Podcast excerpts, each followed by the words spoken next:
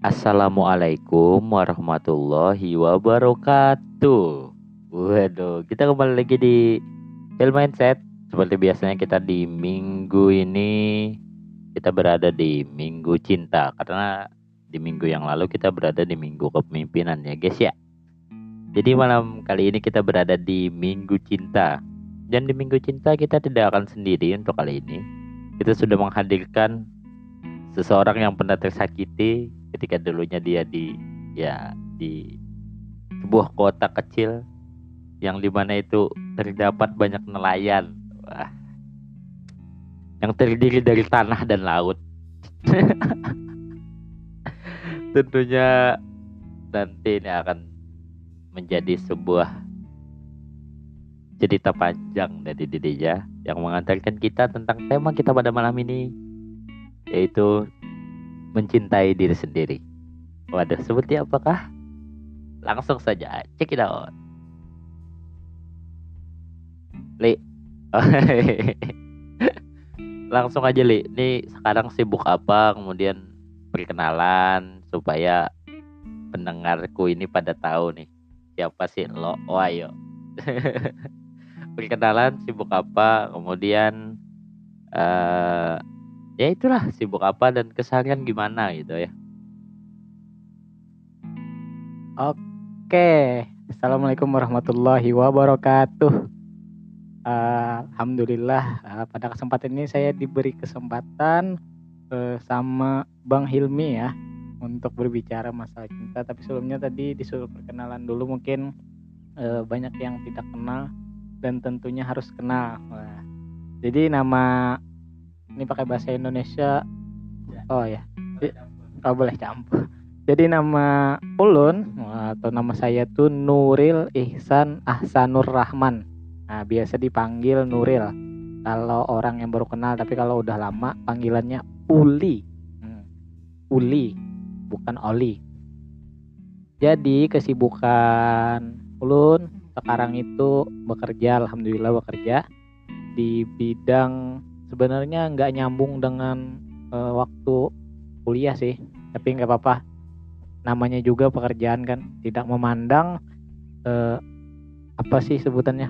Tidak memandang apa kita bekerja di eh, kuliahnya di mana tapi yang penting kita bisa eh, bermanfaat di mana pun berada. Jadi bekerjanya di dinas pertanian di bidang eh, ya bermain-main lah seperti naik akan drone eh, terus lagi moto-moto video bikin video dan lain-lain. Kesibukannya ya setiap hari bekerja Senin sampai Jumat Sabtu minggunya mungkin sering ngobrol sama Bang Hilmi keluh kesah biasanya. Jadi itu. Ini berhubung kita cuma satu mic ya malam hari ini jadi nggak ada interaksi. Jadi cuma satu bicara satu ya unggut-unggut nyahut ya gitu aja ya. Oke ini pertanyaan pertama kita mungkin kita di sini tidak akan bahas tentang masa-masa lalu ya. Karena memandang masa lalu itu apa ya nggak akan pernah kita mensyukuri apa yang ada sekarang ya kan? Jadi kita akan bertanya aja nih gimana sih seorang uli itu memandang cinta? Memandang cinta. Terserah cinta kepada siapa terserah. Tapi gimana cara uli itu memandang cinta? Nah, gitu ya sebuah apa atau gimana atau apa. Nah, itu. Apa li? Oke bicara soal cinta sebenarnya kalau bicara cinta pengalaman saya kurang masalah cinta ini. Karena banyak banyak uh, istilahnya banyak tidak berhasilnya kalau dalam masalah cinta. Jadi kalau menurut saya sih masalah cinta itu so, secara pribadi. Jadi cinta itu menurut saya hal yang menyakitkan. Kenapa menyakitkan? Karena setiap hadirnya cinta ya hadirnya bukan suatu kebahagiaan. Tapi hadirnya kesak sakit. Itu pokoknya sakit ketika ada ada cinta ada sakit udah nggak ada istilahnya kata kebahagiaan kesenangan nggak ada. Oke jadi di sini saya lihat dan saya pandang ya, menurut film mindset waduh ketika kita mencintai artinya kita harus siap terluka ya kayak itu ya ah ya ya ya ya ya. terus Nah, kenapa seperti itu? Karena kita memahami dari segi cinta sendiri. Cinta sendiri kan kadang muncul ada yang tiba-tiba, ada yang ada prosesnya dan ada istilahnya kita tidak menyadari itu tiba-tiba datang aja cinta. ini dalam ruang lingkup cinta sama makhluk ya lo. Kalau cinta sesa eh, terhadap Tuhan kita ya pasti itu bahagialah endingnya ya lo. Tapi ini sesama makhluk lah tadi lah oke terus. Kalau kan ada nang salah paham kan pendengarku. Oke oke. Pokoknya yang dibahas itu kan ses- eh, hubungan kita sesama makhluk ya. Entah itu manusia ataupun eh, hewan dan lain-lain. Jadi bicara soal cinta, eh, kenapa saya berbicara cinta itu hadirnya sakit, cinta itu menyakitkan? Karena saya mengalami selama beberapa masa sekolah yang yang mana saya melihat cinta hadirnya itu kadang malah kita lupa dengan keadaan kita sendiri. Nah, jadi istilahnya kita menghadirkan cinta tapi kita melupakan diri kita gitu. Seperti itulah. oke oke oke. Eh, artinya memang benar. Entah itu pokoknya sama makhluk lah. Sama aja ketika kita mencintai misalnya harimau. Itu sewaktu-waktu bisa aja harimau itu mencengkram ya loh ah bujur itu. Sangat setuju saya. Ah, oke. Ah kemudian nih. Eh karena beberapa hari ini saya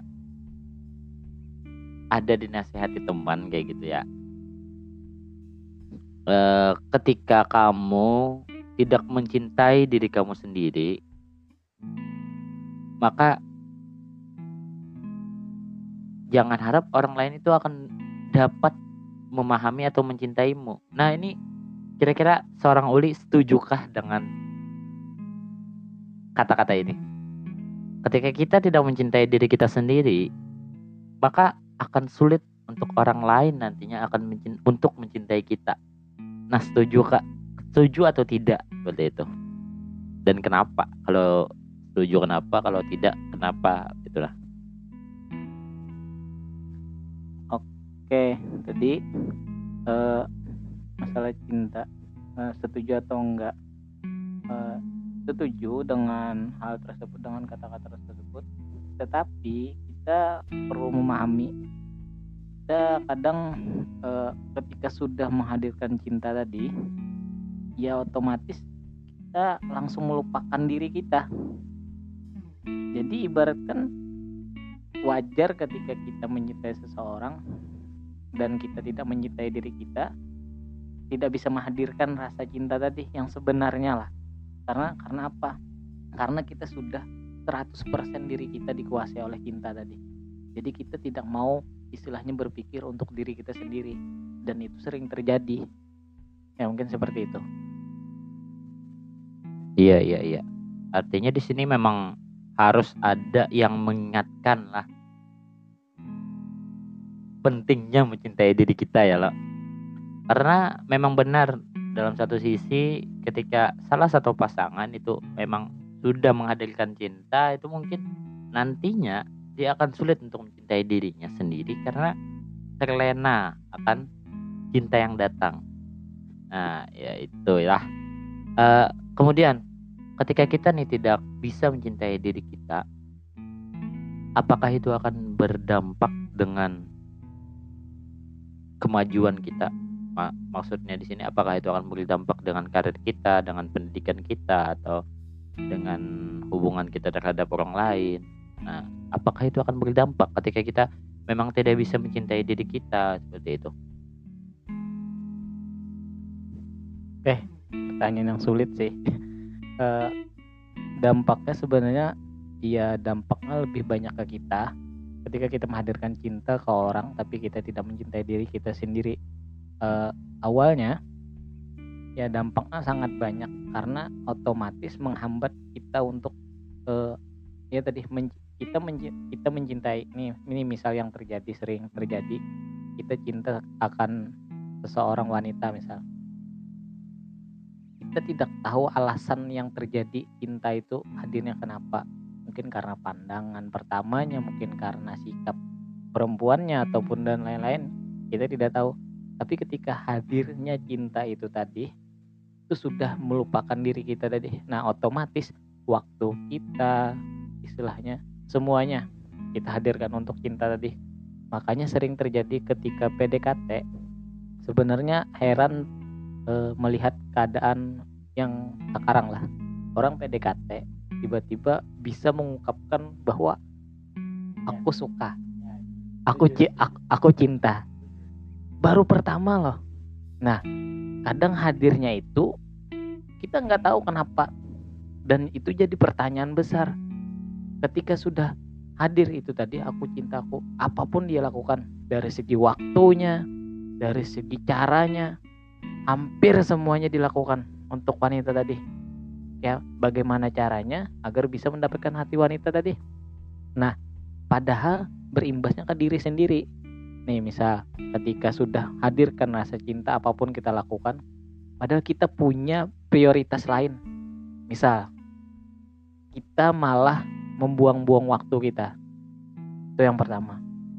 Contoh kita uh, karena punya rasa ingin memiliki apa pun kita lakukan padahal kita punya kegiatan yang lain. Kita harus merelakan itu. Contoh aja sekarang kan HP lebih gadget lebih sering. Kita lepas gadget tersebut istilahnya bisa nggak kita fokus dengan pekerjaan kita? Tidak bisa. Kita harus pegang terus gadget karena apa? Sebagai kebutuhan. Sama hal cinta tadi ketika kita sudah nyukai seseorang kita nggak mau lepas dari dia. Waktunya apa segala macam kita berikan. Tapi kita lupa. Yang kita lakukan itu salah berimbasnya. Contohnya tadi waktu itu sering yang terjadi. Yang yang sering terjadi dan dan dan sifatnya itu sebentar. Hadir cinta ketika sudah mendapatkan maka tahapan prosesnya adalah istilahnya sekarang tuh bucin lah. Ya bucin. Nah Padahal bucin tersebut pun banyak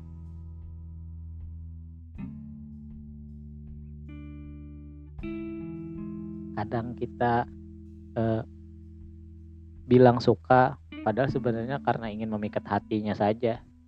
Sebenarnya sukanya ada dengan orang lain juga.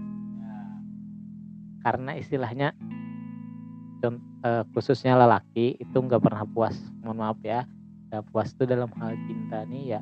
Melihat satu kelebihan yang ada di wanita ketika ada kekurangan melihat ada kelebihan lelaki eh, wanita lain di situ ada rasa ingin memiliki lagi ketika sudah dapat ada kekurangan wanita itu tadi melihat ada kelebihan wanita lain ada timbul lagi walaupun dia tetap bisa setia.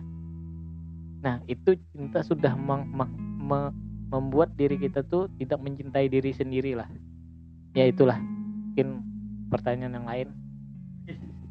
Kayak Jokoyo uh, ya ya ya.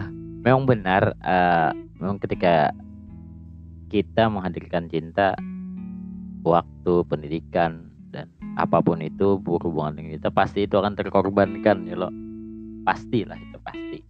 Tapi di sini hal yang menarik yang tadi kutangkap sifat lelaki itu eh, kita simpulkan mencari lah di sini adalah dari tutur kata si Uli tadi. Mencari.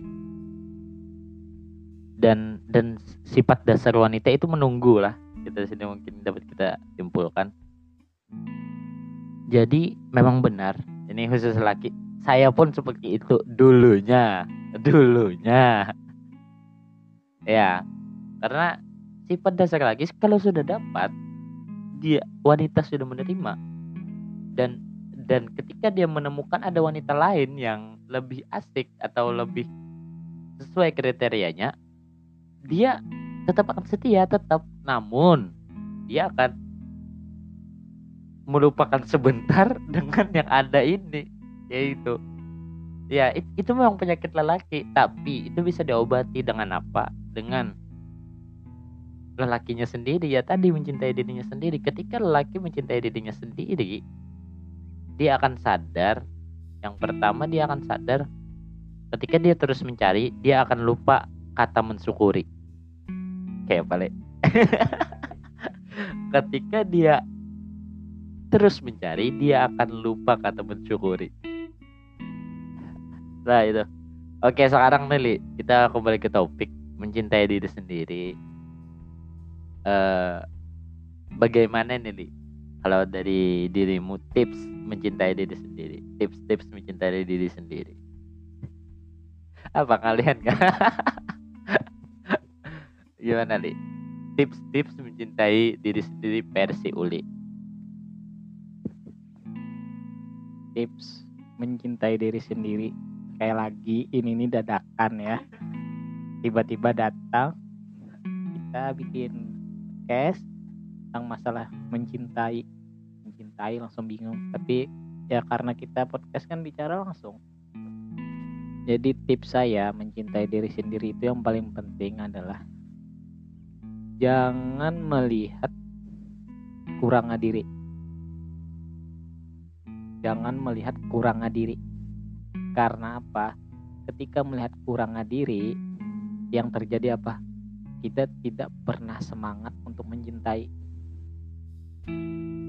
Yang yang yang cuman kita lihat karena kekurangan kita, ini itu segala macam akhirnya apa? Tidak bersemangat. Kan kan yang paling penting itu adalah hal-hal yang positif yang kita berikan ke diri itu. Istilahnya tuh kata entah itu kata-kata ataupun hal yang lain. Itu yang jelas itu dulu yang paling penting yaitu tadi jangan melihat kekurangan diri. Ya kita paham dengan keadaan kita dengan kondisi kita tapi jangan pernah melihat kekurangan yang ada di diri kita. Karena itu akan menghambat untuk proses mencintai diri sendiri. Itu yang pertama. Yang kedua waktu kan ada pepatah waktu adalah uang. Nah, ketika kamu bisa menggunakan waktu waktu waktu selama sehari misalnya berusaha untuk memberikan hal yang positif ke diri, itu hal yang masuk sudah mencintai diri.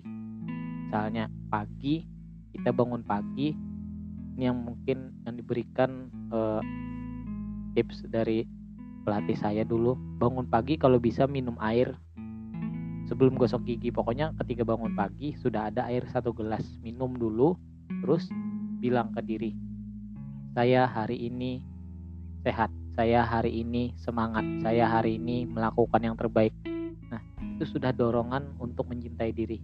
Karena dengan awal seperti itu kita beraktivitas lebih lebih semangat bahwa kita ingin diri kita sehat diri kita semangat diri kita hari ini lebih baik seperti itu. Mungkin dua dulu tips dari saya. Jadi yang pertama, jangan melihat kekurangan yang ada di diri. Yang kedua, yaitu memberikan eh, hal-hal uh, yang positif terus tiap pagi, sore dan kapan pun. Jangan kata-kata dari kita, jangan dari kata-kata orang lain. Pokoknya dari diri kita dulu kata-katanya. Oke, mantap mantap mantap. Dua tipsnya itu sungguh luar biasa. Oke guys ya. Aduh tapi ya, di sini li ada tadi yang yang pertama tadi lah ini cukup menarik. Jangan melihat kekurangan diri. Nah di sini muncul pertanyaan li. Karena ini banyak kasus orang yang semisal dia menyakiti orang lain. Nah ketika dia menyakiti orang lain dia terus teringat dengan dia menyakiti orang lain. Bahkan sampai dia tidak bisa memaafkan dirinya Nah itu bagaimana nih cara menyembuhkannya? Apakah perlu bantuan pasangannya tadi? Kalau perlu bantuan pasangan tadi seperti apa pasangannya harus bertindak? Atau kalau bantuan teman tuh teman tuh harus seperti mana? Dibiarkankah? Karena ada ada beberapa orang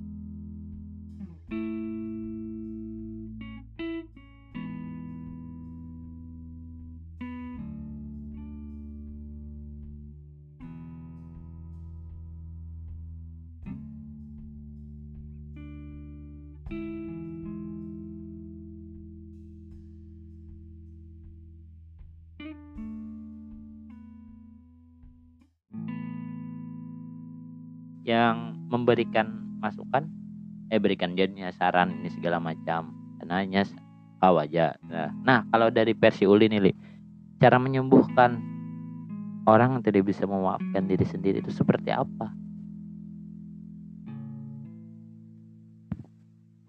Pertanyaannya nih masuk sulit sih. Karena ini berkaca dari eh, yang saya rasakan. Istilahnya saya menyakiti orang lain dan saya tidak bisa melupakan hal tersebut dan tidak bisa memaafkan diri. Eh, pertama yang sering terjadi itu ketika kita mengingat hal yang menyakitkan hal yang negatif itu akan berimbas kepada diri kita.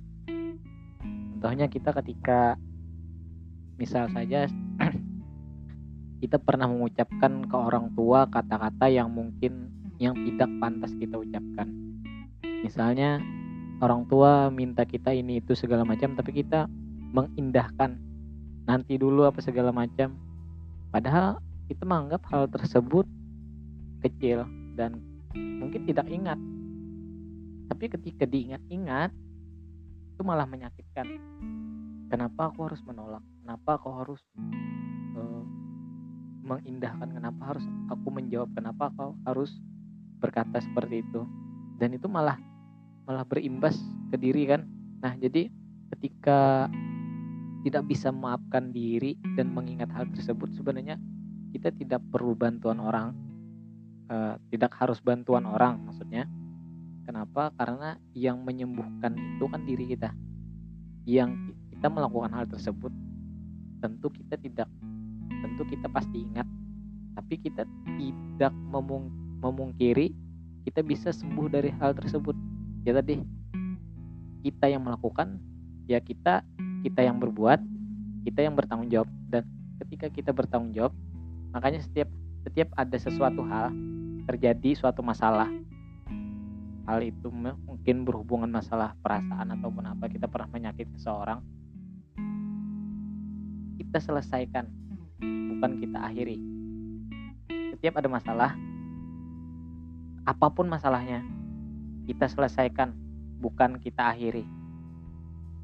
Kenapa? Ketika diselesaikan kita cari jalan keluar. Tapi ketika diakhiri ketika ada suatu masalah ya udah sudah. Aku melakukan kesalahan sudah. Seperti itu istilahnya ada kata sudah menyetop semua hal. Tapi ketika ada suatu masalah tapi kita bicarakan kita cari solusinya maka itu itu adalah menyelesaikan. Jadi setiap ada masalah entah itu masalah dalam pasangannya tidak bisa memper tidak ada perhatian ataupun apa istilahnya selalu cekcok dengan pasangannya. Biasakan dibicarakan apa permasalahannya diselesaikan sudah. Selesai. Dengan seperti itu lebih nyaman daripada ada masalah diakhiri masalahnya udah. Kededa penyelesaian tapi ketika ada masalah diselesaikan kan lebih nyaman. Nah seperti itu. Oke oke oke. Artinya di sini ketika kita datang dengan baik-baik Loli artinya kita harus pulang dengan baik. Dan ketika artinya jangan hilang gitu nah jangan jangan jangan timbul-timbul plak selesai jangan. Artinya memang harus kita selesaikan segala sesuatu nih li yang terakhir li. Lebih baik marah atau kecewa? Lebih baik kecewa. Karena kecewa itu kita bisa mengolahnya lagi. Ketika ada suatu kekecewaan kita bisa mengolahnya dengan apa? Dengan cara memikirkan kembali kekecewaan tersebut. Contoh kita kecewa dengan seseorang gara-gara sikapnya karena dia selingkuh ataupun apa. Tapi kita berpikir lagi kecewa kita pantaskah kita kecewa dengan orang tadi? Kita kecewa karena apa?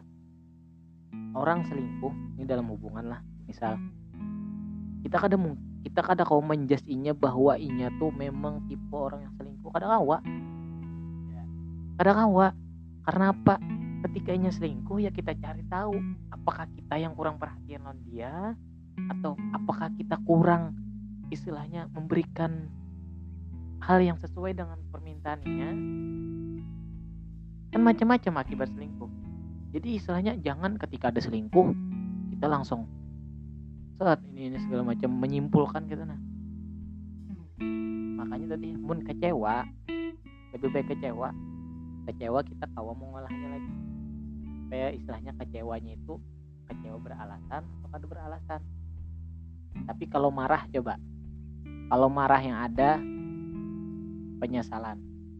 Ya kan? Ketika marah yang ada cuma penyesalan setelah marah pasti penyesalan. Apalagi ketika satu yang satu marah yang satunya marah maka tidak ada yang namanya jalan keluar. Hanya suah mendengar ceramah juga. Ketika dalam rumah tangga atau dalam hubungan yang satu marah yang satunya marah juga ada titik temunya karena negatif lo negatif. Tapi ketika marah yang satu diam yang satu ya udah mencari penyelesaian tadi mungkin akan reda. Tapi ketika marah marah marah hasilnya marah dan tidak ada berujung yang baik. Jadi lebih baik kecewa sih karena ulun lebih banyak merasakan kekecewaan. Tapi kekecewaan yang ulun olah menjadi hal yang positif sagan ulun pribadi dan memikirkan ya tadi inya selingkuh. Oh mungkin karena ulun yang kurang ini segala macam ya udah jangan menyalahkan inya. Pokoknya setiap ada kejadian jangan menyalahkan yang melakukan tadi tuh. Tapi salahkan diri kita dulu. Biar lebih baik lagi. Oke mantap mantap mantap mantap. Uh, sungguh luar biasa ya malam ini kita ya berbicara cinta. Padahal ini nggak ada di konsep nih saya datang pun gak ada konsep apa-apa. Uh, oke. Okay. jadi memang benar setiap masalah itu harus kita selesaikan ya bukan kita akhiri. Dan kemudian uh, ketika memang kita marah dan marah itu berlawanan itu akhirnya tidak ada diskusi. Tapi ketika ketika kita sama-sama kecewa kecewa sama kecewa itu nantinya akan mengeluarkan keluh kesahnya kenapa jadi kecewa. Itu kan akhirnya kan ada berdiskusi tuh berdua tuh. Dan ketemu jalan keluar ya guys ya. Nah seperti itu. Jadi untuk kawan-kawan pendengar semoga ada yang didapat dan bisa diamalkan. Walaupun kami juga orang awam gitu nah. Tapi di sini kita bukan untuk menggurui kita bukan untuk uh, lebih siapa yang benar siapa yang salah bukan. Tapi kita mencari titik temu agar kita menjadi pribadi yang lebih baik. Ya pesan saya ya tadi dan pesan saya dan Uli ya. Kita selesaikan jangan kita akhiri. Waduh. Sampai ketemu di minggu selanjutnya